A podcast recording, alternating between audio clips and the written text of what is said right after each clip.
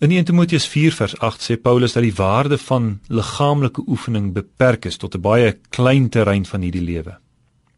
Daarteenoor is die oefening in die toewyding aan God nuttig vir alles omdat dit die belofte van die teenwoordige en toekomende lewe het. Let wel, beide, die toekoms maar ook die hede.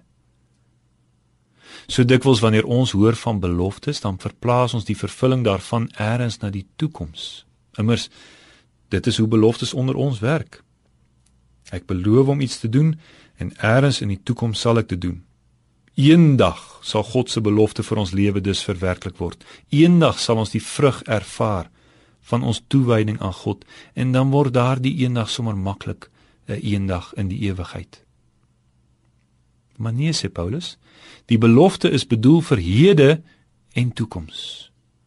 Ook jou lewe van vandag val onder die krag van God se beloftes. Laat 1 Timoteus 8 4 vers 8 daarom in ons hart geskrywe staan wanneer ons vandag weer in hierdie wêreld moet gaan lewe.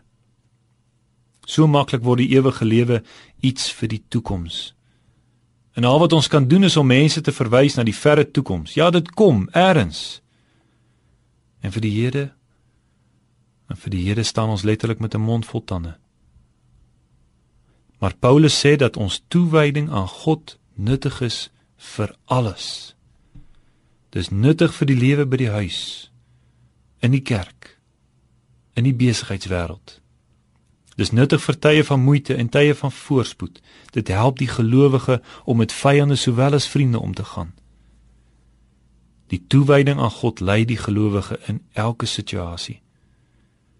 Die belofte van die lewe met God is vir die hede. Vandag is daar alreeds die lewe saam met Christus. Dis nie maar net eendag sal alles regkom nie. Nee, alles saam met Christus is alreeds goed. En daarom is die einde die beste. En na daardie einde is ons op pad.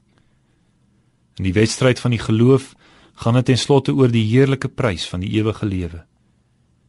Hier sien ons hoe die atleet wat goed gevoed en goed geoefen is, homself uitstrek na die prys. Ja, daar word in die aardse stryd 'n totale oorgawe van ons gevra.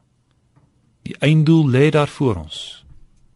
Maar onthou, hierdie totale inset beteken nie vrees, beteken nie krampagtigheid van wie onsekerheid of ek dit sal maak nie. Dit is immers altyd die wedloop van die geloof.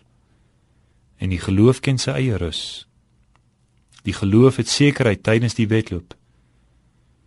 Dit is nie 'n arrogante sekerheid wat sê ag, ons sal dit maak nie. Nee, ons het sekerheid omdat die geloof gerig is op die belofte wat seker is, omdat God en Christus getrou is. Gryp na die ewige lewe is daarom 'n aanmoediging want ons is geroep tot die ewige lewe. Amen.